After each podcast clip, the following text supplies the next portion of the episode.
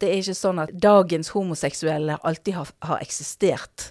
Eh, det har alltid eksistert kjærlighet og sex mellom to personer av samme kjønn. Men rammeverket vi tenker ut fra i dag, ser vi da når vi ser på disse peppermø-parene, at de ble rett og slett ikke forstått ut fra det rammeverket. En kald vinternatt i 1914 lå en 57 år gammel norsk kvinne på dødsleiet i andre etasje i huset The Doctors Inn i Laramie i Wyoming i USA. Det var Agnes Mathilde Wergeland, den første norske kvinne som tok en doktorgrad. Huset hadde hun fått bygge sammen med sin siste livspartner, dr. Grace Hebbard. Dette var det første hjemmet Agnes Wergeland virkelig kunne kalle sitt. Nå lå hun døende i livspartnerens armer, omkransa av et par andre nære venner. Og hennes siste ord til Grace var foruten deg hadde livet vært meg umulig. Og denne ganske flotte og spennende historien eh, har du begynt å se på, professor eh, Tone Hellesund, og for første gang med et skeivt blikk. Eh, hvem var denne Agnes eh, Mathilde Wergeland? Nå begynte jo du med slutten. En kunne også valgt å begynne med den kronologiske begynnelsen. Og den startet på Gaustad asyl altså Gaustad sinnssykehus, som var et ganske nytt sykehus i 1861, når moren til Agnes Mathilde fikk seg jobb der som oldfrue. Hun måtte forsørge eh, Agnes Mathilde og også et par sønner, for faren han var forsvunnet ut av bildet og var ingen god forsørger. Eh, og på to små leide rom på Gaustad, der bodde altså Agnes Mathilde Wergeland og hennes mor. Og i biografien som ble skrevet om henne et par år etter at hun døde, så blir dette beskrevet som en ensom og ganske ulykkelig barndom. Agnes Mathilde var helt alene mens moren jobbet, og måtte i stor grad klare seg sjøl. Eh, tre av søsknene var døde, døde som små. Eh, en mye eldre bror, han ble maler. Så moren klarte å skrape sammen litt penger, og det måtte selvfølgelig gå til sønnens utdannelse, ikke til datterens. Og Oskar Arnold, som han het, han fikk også en del stipender som gjorde at han kunne komme seg til München og bli maler. Og hun var jo en, en pioner, på, pioner, på, veldig mange eh, områder, eh, som du jo eh, skriver om i denne eh, artikkelen. Den er jo laget for eh, ei, bok som heter 'Skeiv lokalhistorie kulturhistoriske perspektiver på samkjønnsrelasjoner og kjønnsoverskridelser'. Den boka er jo nettopp kommet ut nå, og for de som har lyst til å kjøpe den, så finnes den òg digitalt tilgjengelig på Nasjonalbiblioteket sine eh, nettsider. men hun klarte å komme seg ut til utlandet etter hvert for å studere, og første stopp, det var Tyskland. Hun følte at hun hadde vergelandsblod i årene. Hun kom fra en kjent kulturfamilie med kunstneriske eh, årer. Og dette ville også Agnes Mathilde. Eh, hun ville bli til noe i verden. Eh, men hvordan skulle hun klare det? Det var ingen penger, hun hadde ingen støttespillere. Men til slutt så klarte hun da å skrape sammen penger fra velyndere som eh, støttet henne, sånn at hun klarte å komme seg til München. Eh, og liksom hun ville ut fra det trange Kristiania. Hun ville ut og få luft under vingene for kultur, dannelsen i Europa, eh, all kunsten som var der ute, musikken, bildene, alt som skjedde, det var der ute, ikke hjemme i trange og konservative Kristiania som kom seg til München, men beskrives da som en ganske sånn introvert og ensom person. Hun har ikke lett for å få venner, og hun er kanskje også litt sånn Det er ikke, det er ikke så mange hun liker. Eh, men i München, så står det i biografien, så var det da én person i hele München hun hadde lyst til å bli venner med men hun trodde kanskje ikke at det gikk. Men så viser det seg da eh, at det gikk, for Elisabeth Münsterhalter, eh, som hun het, hun ville også bli venn med Agnes Mathilde. Og i et av brevene fra en annen venninne så er det tydelig at Agnes Mathilde Wergeland var forelsket i denne Elisabeth Winterhalter. Hun endte seinere opp med å bli Tysklands første, første kvinnelige kirurg, og hun eh, levde i et livslangt forhold med malerinnen Ottilie Roderstein. Så dette med disse kvinnelige kjærlighetshistoriene, det ser ut til å ha begynt ganske tidlig for Agnes Mathilde Wergeland. Og i denne utrygge tilværelsen som hun levde, uten penger, uten støttespillere, eh, mange motstandere mot kvinner som vil ta utdannelse, så er det på en måte i disse kvinnelige vennskapene at Agnes Mathilde Wergeland finner støtte og oppmuntring. Hun finner på en måte et hjem i denne type relasjoner, selv om hun i veldig mange år ikke hadde på en måte noe eget hjem, så var det relasjonene som var hennes hjem. I denne biografien som er skrevet eh, om hun, så blir dette med at hun hennes vennskap og relasjoner med andre kvinner det ble framhevet som noe veldig positivt.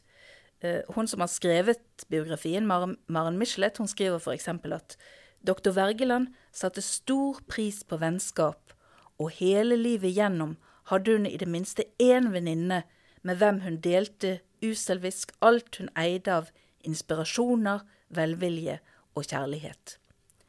Så når biografien ble skrevet i 1916, så regnet altså eh, Maren Michelet med at dette ble lest som et uttrykk for den store og fantastiske personligheten til Agnes Mathilde Wergeland.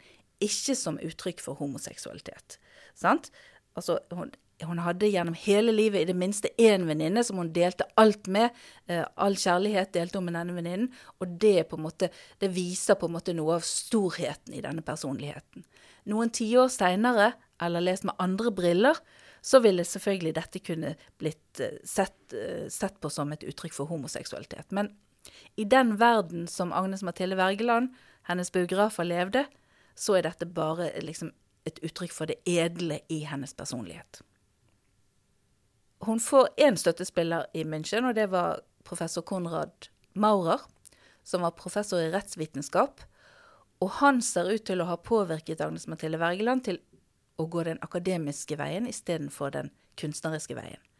Kanskje tenkte de begge at det var bedre forsørgelsesmuligheter der, det vet vi ingenting om. Men etter et par år hjemme igjen i Norge, etter at pengene tok slutt, så kom hun seg da tilbake igjen til kontinentet i 1888 i, til Zürich. Og for Zürich og Sveits, de åpnet altså opp for kvinnelige doktorgrader. Og i 1890 så får Agnes Mathilde doktorgraden i Zürich. Og så skriver du òg om veien fram til den doktorgraden. var òg litt sånn kronglete og egentlig ganske imponerende, for hun var ikke en sånn eh, typisk eh, student, eller eh, måten hun jobba på, som, eh, som gjorde at hun faktisk endte opp der hun gjorde. Nei, kvinner hadde ikke adgang til universitetene på dette tidspunktet, verken i Norge eller i Tyskland. Så hun må også ha studert på egen hånd. Eh, sittet på bibliotekene, eh, funnet fram til materiale og jobbet med dette på egen hånd. I Sveits, i Zürich, så var det Det var liksom stedet som mange kvinner i de første generasjonene fikk tatt, tatt doktorgrad. Så der var hun en av, av mange kvinner. Men det som er imponerende, er jo på en måte at hun er selvlært fram til det. Mm. Så hun er på en måte en autodidakt akademiker, og som ender da opp alene og fattig i Zürich uten noe stort støtteapparat i ryggen på noen som helst måte. Uh, og så klarer hun altså å uh, gjennomføre dette her gjennom to harde år i, i Zürich, da. Der hun nærmest lever på sultegrensen. Og igjen så er det jo dette med pengene. Hun må forsørge seg, hun må få en jobb. Men hvor i all verden skal hun få det? I Norge er det helt uaktuelt, de vil ikke ha kvinner med doktorgrad. Så hun ender opp i USA etter at hun får et stipend til et kvinnecollege som het Bryn Mawr. Der beskrives det også at hun egentlig var ganske ensom og ulykkelig, hadde vanskelig for å komme i kontakt med både studenter og andre ansatte. Men igjen så er det i vennskapet med én annen kvinne at hun søker tilflukt og trøst, og denne gangen eh, sammen med Catherine Merrill, som blir hennes livsledsager de neste ti årene. De flytter etter hvert videre fra Bryn Mawr College til Illinois og flere av universitetene der. Agnes Mathilde forsøker å få seg jobb, men det er helt umulig. Det er ingen som vil gi henne fast jobb. Hun får noen midlertidige engasjementer, men hun lever nok delvis på inntekten til Catherine Merrill, som også er akademiker, og mindre småjobber. Men det er en fryktelig sånn eh, trang tilværelse. Og hun skriver også at hun har prøvd å søke jobber hjemme i Norge gjennom hele denne perioden, men hun får det ikke til. Og hun har heller ikke lyst til å komme tilbake igjen til Norge med halen mellom beina. Så mange utvandrere, sant, så var jo Drømmen var jo å gjøre suksess, bli til noe, kunne vise de hjemme at man, man klarte det. Og det å komme hjem nesten enda fattigere når man reiste, det orket ikke Agnes Mathilde. Så hun holdt ut og prøvde, prøvde, prøvde å få seg jobb. Og endelig, eh, i 1902, så snur lykken.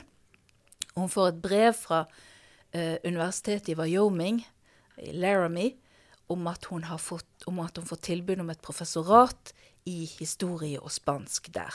Så dette er jo helt fantastisk for hun å få tilbud om en ny jobb. Og Catherine Merrill hun har også mistet jobben fordi at hun ble syk. Så de har rett og slett ikke Agnes Mathilde er nødt til å få seg en jobb. Så hun reiser til Laramie, Wyoming, og setter seg på toget i Chicago. Tøffer med damplokomotivet vestover eh, til Wyoming, som i denne perioden er virkelig det ville Vesten. Midt på prærien der så reiser dette nye, svære universitetet seg opp fra, fra prærien, og der er det hun har fått sin nye jobb. Og noe av det første hun gjør, det er å gå til biblioteket på dette universitetet, for hun hadde ikke vært fornøyd med biblioteket på Bryn Mawr. Men her ute i Det ville vesten så er det et ganske godt bibliotek, så hun blir veldig glad for det. Det er liksom hennes viktigste arbeidsredskap. Og så treffer hun også en ny kvinne, en som er med å bestyre hele universitetet, og har også sin eh, tunge hånd på biblioteket og det er dr. Grace Hubbard, som også er en sånn formidabel kvinnesakskvinne og akademisk kvinnelig pioner. Og disse to treffer hverandre i biblioteket der, og blir umiddelbart tiltrukket av hverandre, og innleder da eh, tydeligvis raskt et nært forhold. Og etter bare noen få år, få år så begynner de også å bygge sitt eget hus, som de da kaller The Doctors Inn, siden de begge to har doktorgrad. Uh, og endelig så får Agnes Mathilde Wergeland dette trygge hjemmelivet som hun har drømt om hele livet. Sant? Fra de to små rommene på Gaustad asyl, med denne ulykkelige og ensomme barndommen, til et ganske isolert liv i München, uh, via Bryn Mawr og Chicago osv., der hun aldri har hatt økonomi til å kunne ha et eget hjem.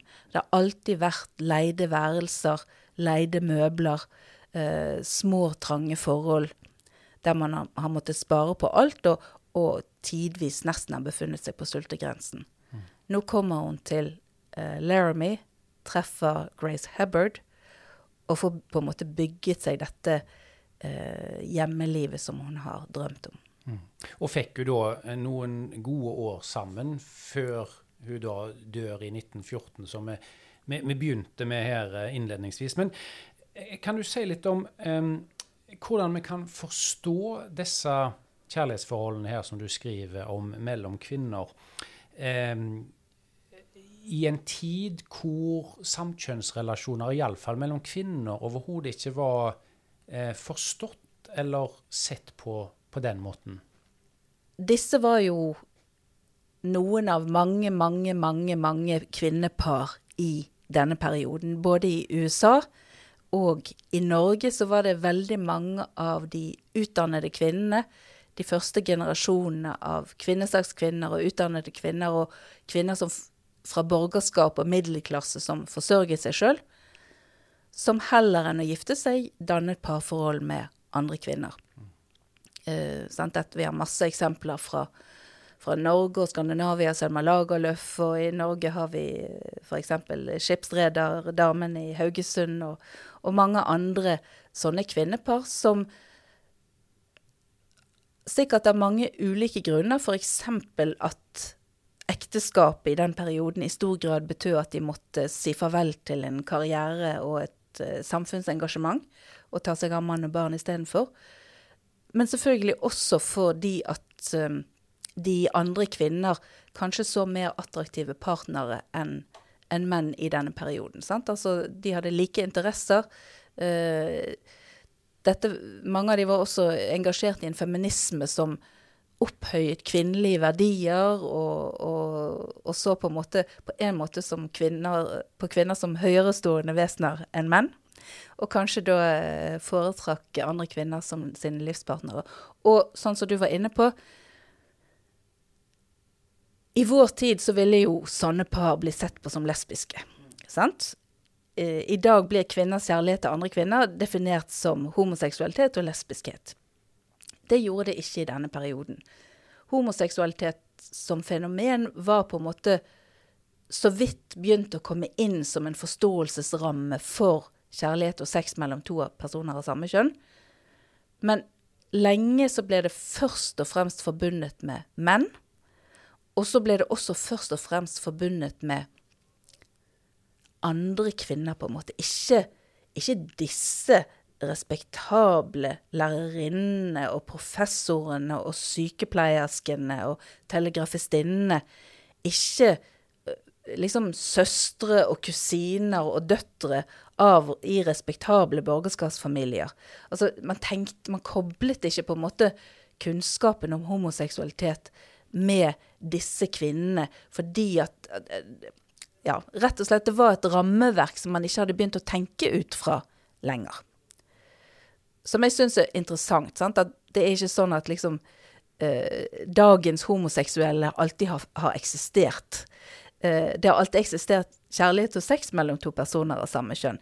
Men rammeverket vi tenker ut fra i dag, ser vi da når vi ser på disse peppermø-parene, at de ble rett og slett ikke forstått ut fra det rammeverket. Så det betyr også at når Grace Hubbard fikk, eh, laget denne biografien om Agnes Mathilde i, i i 1916, to år etter at hun var død, så kunne de fremdeles skrive om disse kvinnerelasjonene, og regne med at leserne ikke ville på en måte eh, trekke det bort ned i sølen til homoseksualiteten, men ville på en måte forstå det ut fra et sånt Peppermø-rammeverk. Samtidig så ser vi i den norske og den amerikanske utgaven, for Grace Hubbard hun fikk gitt ut boken både på norsk og på engelsk samtidig, og vi ser noen ulikheter i de to utgavene. For denne forelskelsen i Tyskland, som, som, vi leser om i den norske utgaven, bl.a. gjennom et brev fra en, en annen venninne. I den amerikanske utgaven så er dette fjernet, så der er det ikke noe spor av denne forelskelsen. Og det kan ha praktiske grunner, men det kan jo også handle om at man kanskje tenkte at det amerikanske publikummet i 1916 at de var litt mer mistenksomme. At de hadde litt større kunnskaper om homoseksualitetsrammeverket enn det de norske leserne hadde. Det, det vet vi ikke, men det er iallfall noen ulikheter i de to utgavene. Mm. Eh, og, men i en norsk kontekst òg, så ville det vel vært kontroversielt hvis det hadde blitt på en måte fastslått at det var bare mer, at det var noe mer enn bare en slags sånn to peppermøer som, som som, som, levde sammen. For jeg tenkte på dette her eh, Du skrev òg om det at hun, hun turde å trø ut av rollen som hjemmets lerkefugl. Som jo òg vi kjenner igjen fra et dukkehjem som kom vel i 1879. som òg beskriver denne her idealiserte kvinnen eh, og da Nora sitt valg, som så bryter med det, og som er så utrolig, utrolig kontroversielt. Så det hadde vel kanskje vært det i Norge òg, hvis, hvis, det hadde kommet fram? Ja, altså for det er klart når vi kommer så langt som til 1914, eller altså etter århundreskiftet, da, så finner du jo rundt omkring i både Europa og USA selvidentifiserte homoseksuelle kvinner. Sant? Som på en måte inntar den identiteten.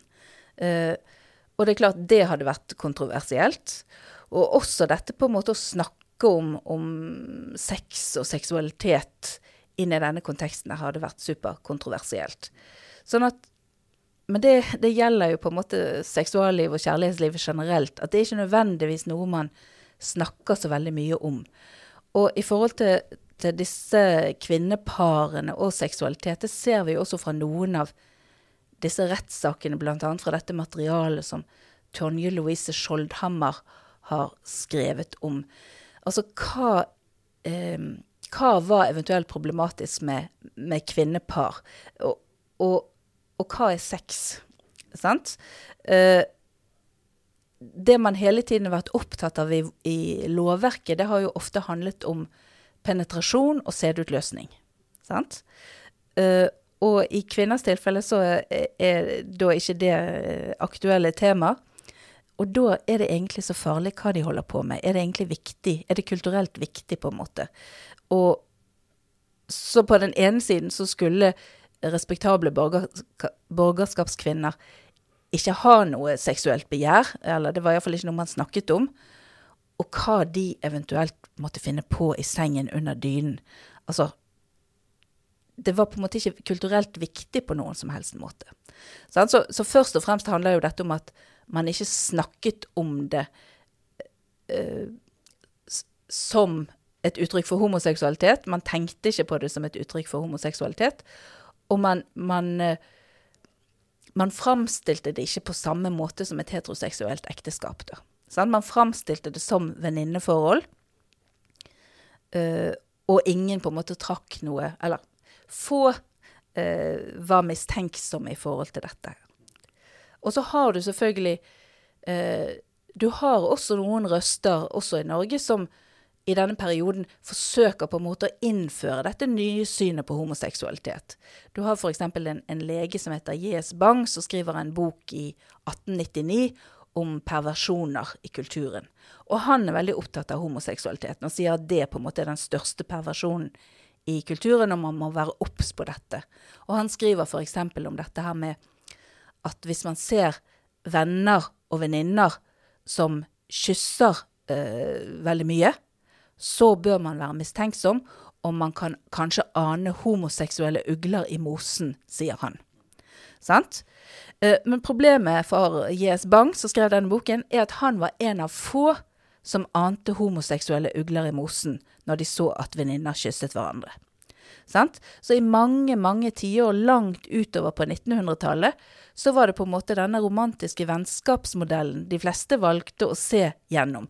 Ikke å se gjennom disse perversjonsbrillene som Jes Bang syns man uh, burde se gjennom.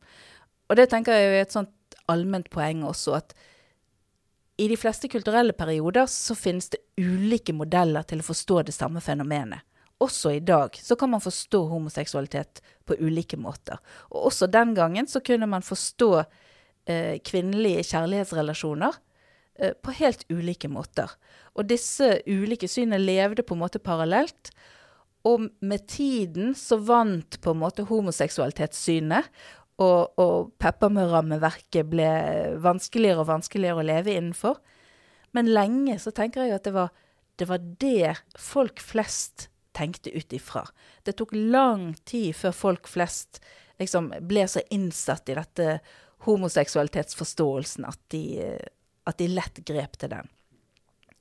Og i det norske samfunnet, altså langt utover på 1900-tallet igjen, så var jo dette gjerne ting man ikke snakket så veldig mye om. Ja, kanskje man hadde en onkel som bodde sammen med kameraten sin eh, på gutterommet hjemme hos sin mor. Eh, og så var ikke man opptatt av å definere det, rett og slett. sant? Så det har blitt, blitt en identitet òg, da? Altså, Som det kanskje ikke var den gangen. Altså, Det var noe mer man gjorde, så nå har det blitt liksom en definert identitet som man på en måte påtar seg eller identifiserer seg med. Nettopp. sant? Mm. Så i dag er det å definere en identitet det er liksom noe av det viktigste kulturen. Og kulturen er kjempefokusert på seksuelle identiteter og kjønnsidentiteter. Eh, den gangen sto ikke det sentralt, rett og slett. Men når du jobber med sånn som denne artikkelen her, og prøver å finne kilder, så er jo det litt utfordrende òg. fordi at en ting er at det finnes få kilder, og av de få kildene som da er gjenlevende, så er det òg kilder som er blitt borte. Enten fra disse personene sjøl eller etterkommere. Mm. Ja, det er utfordrende. Og akkurat i dette tilfellet her, så levde altså Grace Hubbard helt fram til 1936, og hun var en samler. Hun hadde et stort arkiv som ble overlatt til uh, biblioteket i, i Laramie på universitetet der. Men det meste av private papirer, det er forsvunnet. Så mistanken er nok at Grace Hubbard sjøl i 1936, når uh, hun skulle levere fra seg papirene, da syntes hun kanskje at disse private papirene var for mistenkelige. Da kunne hun ikke være trygg for at de ville bli lest gjennom Peppermø-rammeverket heller enn homoseksualitetsrammeverket. Så mm. dessverre så er jo mye av denne type materiale ødelagt. Men det fins litt. Og heldigvis så fins jo denne fantastiske biografien, da. Som jeg tenker eh, er fin å analysere gjennom dagens eh, rammeverket, eller å, å, å, lese den i dag og se hvordan de kan ha forstått ting den gangen gjennom det. Og så fins det Jeg er nå stadig på jakt gjennom Tyskland og USA osv. etter de arkivrestene som kan finnes både av Agnes Mathilde og eh, og Grace Hebbard. Mm. Og så har hun jo ikke fått noen særlig stor oppmerksomhet, eh, Agnes Mathilde Wergeland, til tross for at du var den første norske kvinne som tok en doktorgrad? Jeg syns jo det er helt fantastisk. Og den historien om hvordan hun klarte det, uh, og selvfølgelig hennes kjærlighetsrelasjoner til andre kvinner. Og så dette her å ende opp i, som professor ute i det ville Vesten i 1902. Det er jo en helt sånn fantastisk Jeg ser det liksom for meg som en film fra disse to små rommene på Gaustad, og så ut i verden, og så ende opp da i det, det lune, hyggelige The Doctors Inn sammen med Grace Hebbard eh, til slutt. Det er en, det er en eh, fantastisk livshistorie. Og, og, disse første kvinnene som tok doktorgrad, de møtte altså en helt utrolig mengde motstand. Eh, og de, ingen av de fikk jobber på, i Norge. Så de måtte på en måte ut for å kunne realisere eh, den siden av seg sjøl. Mm. Takk til professor Tone Hellesund. Og denne historien er en av flere gode historier som vi altså er finner i den nye boka 'Skeiv lokalhistorie kulturhistoriske perspektiver på samekjønnsrelasjoner og kjønnsoverskridelser', som òg finnes eh, digitalt tilgjengelig på Nasjonalbiblioteket sine nettsider. Du har hørt på podkasten Skeiv historie fra Skeivt arkiv ved Universitetet i Bergen. Mitt navn er Bjørn André Vidvei.